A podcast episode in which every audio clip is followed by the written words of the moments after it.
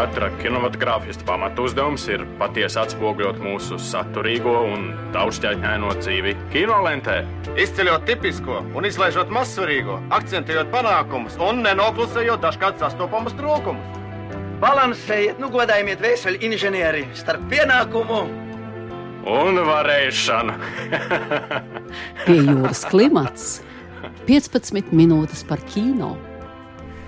Esiet sveicināti, cienījamie radio klausītāji un kino skatītāji. Jā, tieši šai kombinācijai radio klausītājiem un kino skatītājiem būs veltīts mūsu jaunais raidījums pie jūras klimats, kas turpmāk Latvijas Rādio 3 klasika viļņos būs katru piekdienu 5 pār 9 ar atkārtojumu svētdienas vakaros īsi pēc septiņiem un raidījumu pamīšus veidosim divas veidotājas, es, režisore un šeit tad arī kultūras žurnāliste Kristīna Žēlva un starptautiskā kino festivāla Rīga īfradošā direktora Sonora Broka. Pirmais raidījums eh, ir manā pārziņā, bet tā kā pirmais raidījums ir tikai vienu reizi dzīvē, Tad studijā ir iegriezusies arī Sonora Broka pa ceļam uz Skotbusas filmu festivālu, un Sonora, es tad palūkšu tev arī uzreiz īsi iepazīstināt ar to, par ko tu stāstīsi savos raidījumos. Sveika, Kristīna! Kādā no pirmajiem raidījumiem es runāšu par kino pieejamību, apskatot vietnes, kur ir iespējams legāli skatīties kino. Tātad dažādas video un demand platformas, dažādas mājaslapas, kur var iegādāties tiešām izcilu kino klasiku. Dalīšos ar iespējiem no apmeklētajiem starptautiskajiem kinofestivāliem. Tātad pirmais būs Kodbusas kinofestivāls, Aicināšu uz raidījumu kino vēsturniekus, teorētiķus, ekspertus, runāsim ar viņiem par laikmatīgā kino tendencēm, par kino balvu sezonas aktualitātēm, kā arī svinēsim kino. Zviedru izcilā režisora Ingmāra Bergmana un kino dīvas, jeb femme fatale, Ritas Heivortas simtgadi, svinēsim Franko Dzeferelli, Romeo un Džulietas un Romana Poļānska Rozmarijas bērnu 50 gadi. Tātad ļoti daudz mums ir ko svinēt. Jā, un arī tad ļoti daudz, par ko raidījumos būs runātas, viss pēc tam nākam, aiznākam nedēļ, bet tagad es novēlu sonorai labu ceļavēju uz autobusu, un mēs varam sākt pirmo. Pie jūras klimats 15 minūtes par kino. Droši vien sākumā vajadzētu pateikt, kādēļ šāds raidījuma nosaukums. Tā ir atsauce uz Latvijas kino klasiķa Rolanda Kalniņa nepabeigto filmu Pie jūras klimats, pirmo spilgto postmodernisma pieteikumu Latvijas kino mākslā, kurš, diemžēl, tika traumatiski pārtraukts 1974. gadā tādējādi noslēdzot Latvijas kino no pasaules aprites un ierobežojot tā māksliniecisko brīvību. Un šodien mēs varam tikai zīlēt, ja piejūras klimats būtu pabeigts, iespējams, ka latviešu kino būtu nedaudz citādāks, varbūt ar savu jauno vilni, ne tikai dokumentālajā, bet arī spēles kino. Un šodien mums no Rolanda Kalniņa filmas Piejūras klimats ir palikušas vien 30 minūtes.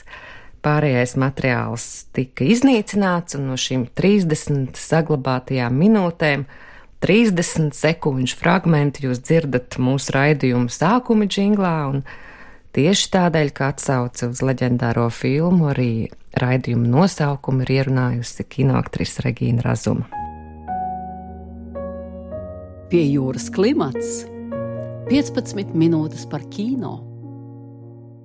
Mans pirmais raidījums pie jūras klimats būs veltījums kinorežisoram Ansim Epneram, gan tāpēc, ka 26. oktobrī tika svinēta Aņša Epnera 80. dzimšanas diena ar izstādi kino muzejā ar viņam veltītu konferenci, gan arī tāpēc, ka Ansis Epners ir arī mans skolotājs pirms 25 gadiem.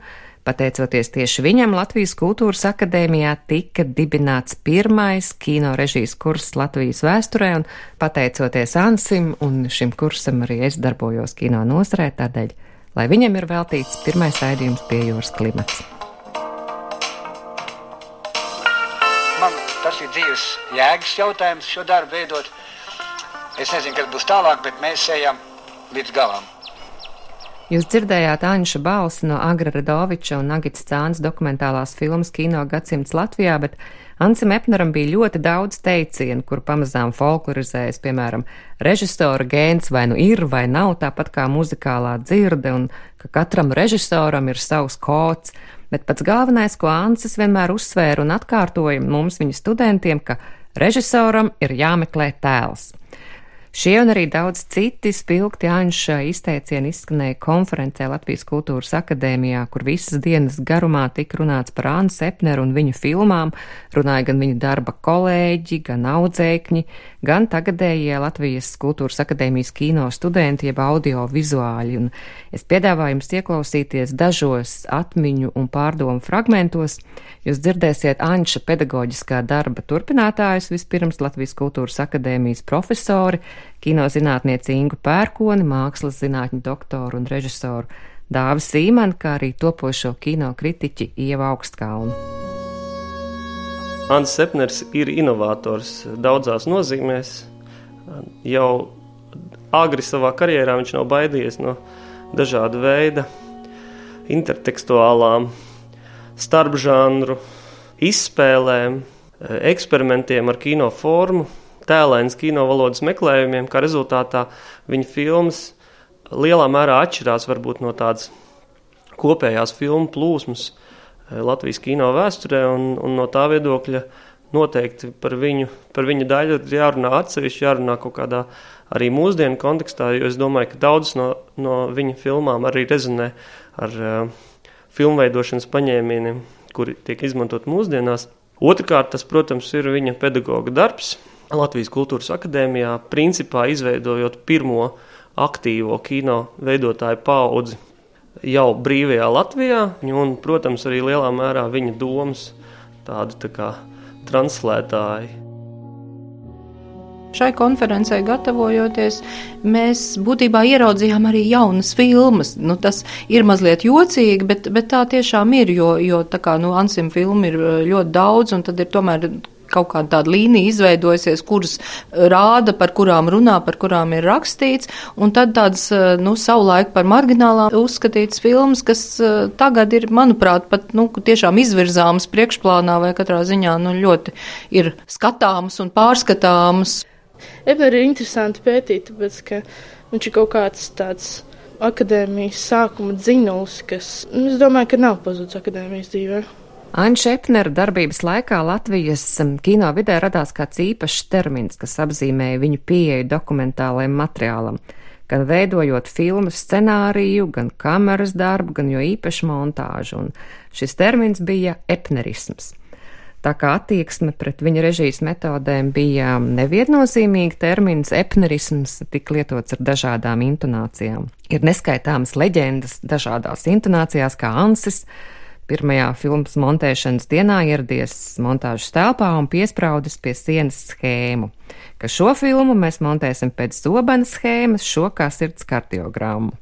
Anna Šepner filmas izceļas ar neparastu oriģinālu formu ar drosmīgiem montāžas paņēmieniem, viņš atšķīrās no slavenās tā dēvētās Rīgas poetiskā dokumentālā kinoskolas, un to precīzi noformulēja kinozinātnieks Agris Redovičs. Viņš gribēja būt citāds. Viņš gribēja būt nu, tāds, ka, lai nav tā čamašanās, kas latviešiem ir. Tā es apmēram to traktētu. Es negribu iztirzēt, kāds viņš bija filozofs. Es ne, nedomāju, ka viņš bija baigais filozofs. Redz, viņš bija no tiem, nu, kam bija tā daudzpusīgā interese. Tāpat kā Renesanse. Renesanse bija ļoti daudz cilvēku ar milzīgu erudīciju. Bet tikai retais no viņiem taisīja tādas dziļas, dziļas iegrimas. Ansim tās ir mazāk, vairāk viņam ir plašums. Bet ar to viņš arī neparasts. Citādi nav mums. Un kad būs, kas to zina? Ansis Sepners strādāja dokumentālajā kino bet sapņoja arī par spēles kino, kurā tolaik dokumentālistam ielausties nemaz nebija tik viegli, jo Rīgas kinostudijā valdīja stingra hierarhija, kas ir kas. Tādēļ iecerē par filmu Būris un tās tapšana Anča dzīvē aizņēma vairākus gadu desmitus. Mākslinieks un režisors Viktors Jansons atcerējās laiku, kad viņš kopā ar Anci strādāja pie filmas pēc Alberta Bela romāna Būris scenārija. Viņa īpatnējā enerģētika, īpatnējā daba, kas savienoja absolūtu reakciju uz jebko. Vai putns lidos, vai tas būs notikums, vai notiks tādā lielā tā kā neatkarības atjaunošanas periodā, vai tas notiks ar kādu citu parādību, viņš momentā reaģēja. Otrs, viņš atradās starp ļoti sarežģītiem, talantīgiem kolēģiem kinostudijā, un lai varētu izdzīvot, ir tā saucamais izdzīvošanas princips. Vai nu tevi nokodīs, vai viņš nokodīs tevi citus. Ansis bija šis. Viņš liek, liekas, ka viņš tā ar maigām rokām visu vēroja un to, bet viņš arī sev uzbūvēja milzīgu sienu.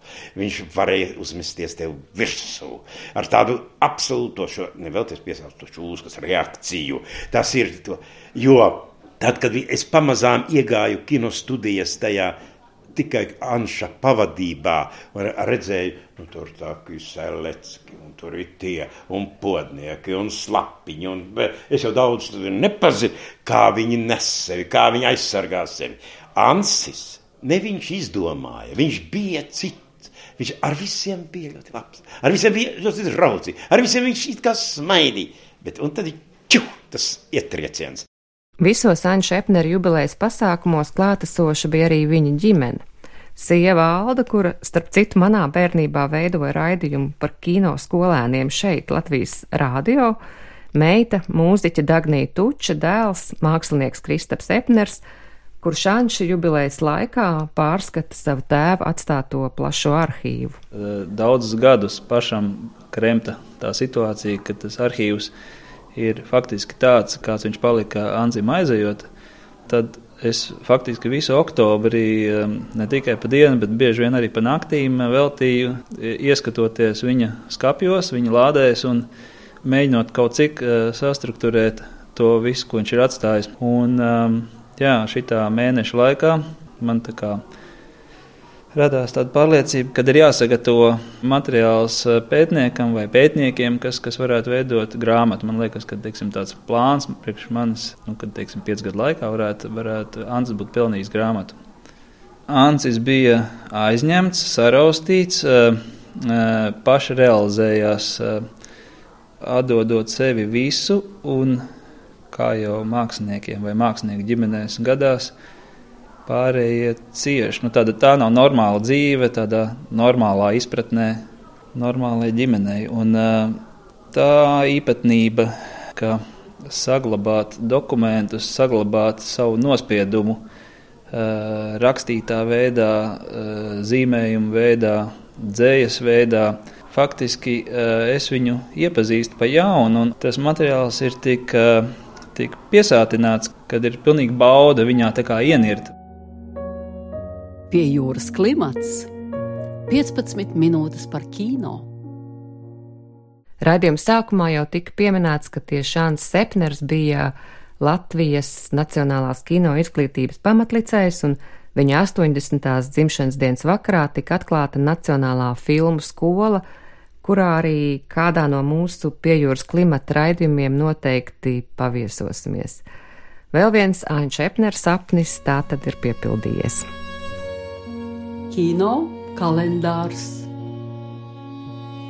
Kino kalendārā ir viens liels un svarīgs notikums, kas aizpilda šīs nedēļas kino dzīvi, proti no 9. līdz 12. novembrim norisināsies Nacionālais filmu festivāls Lielais Kristaps. Un tas nozīmē, ka uz bieži dzirdēto jautājumu, nu, bet kur tad var redzēt tās latviešu filmas, šonadēļ atbilde būs eh, Lielajā Kristapā, jeb kinoteātrī Splendid Palace. Un Programma un nominācijas ir festivāla mājaslapā. Es piepildīšu tikai, ka šogad programmā ir tikai nominētās filmas, tātad labākās latviešu filmu, latviešu jauno filmu zelta izlase. Programmā ir arī vairākas pilnīgi jaunu filmu pirmizrādes. Es noteikti centīšos apmeklēt savu kolēģa, operatora un režisora Andreja Verhostīnska filmu Lidija par neticamo un brīnišķīgo personību Lidiju Doroņinu Lasmanu, bet Izvēle ir gana liela, ir Jāņa Norda jaunā spēle filma, ir Cintras Gekas dokumentālā filma par Eduārdu Tisē. Starp citu, arī filmu festivāla Lielais Kristaps ideja un nosaukums Lielais Kristaps ir režisora Aņša Epner ideja. Un Man patīk, ka tas tā skaisti sasien mūsu raidījumu sākumu un beigas. Tādēļ šajā brīdī es arī teikšu jums uz redzēšanos, uz tikšanos kādā no citiem piejūras klimata raidījumiem. Raidījumu veidoja Kristīna Želve, raidījums tapis ar valsts kultūra kapitāla fonda atbalstu.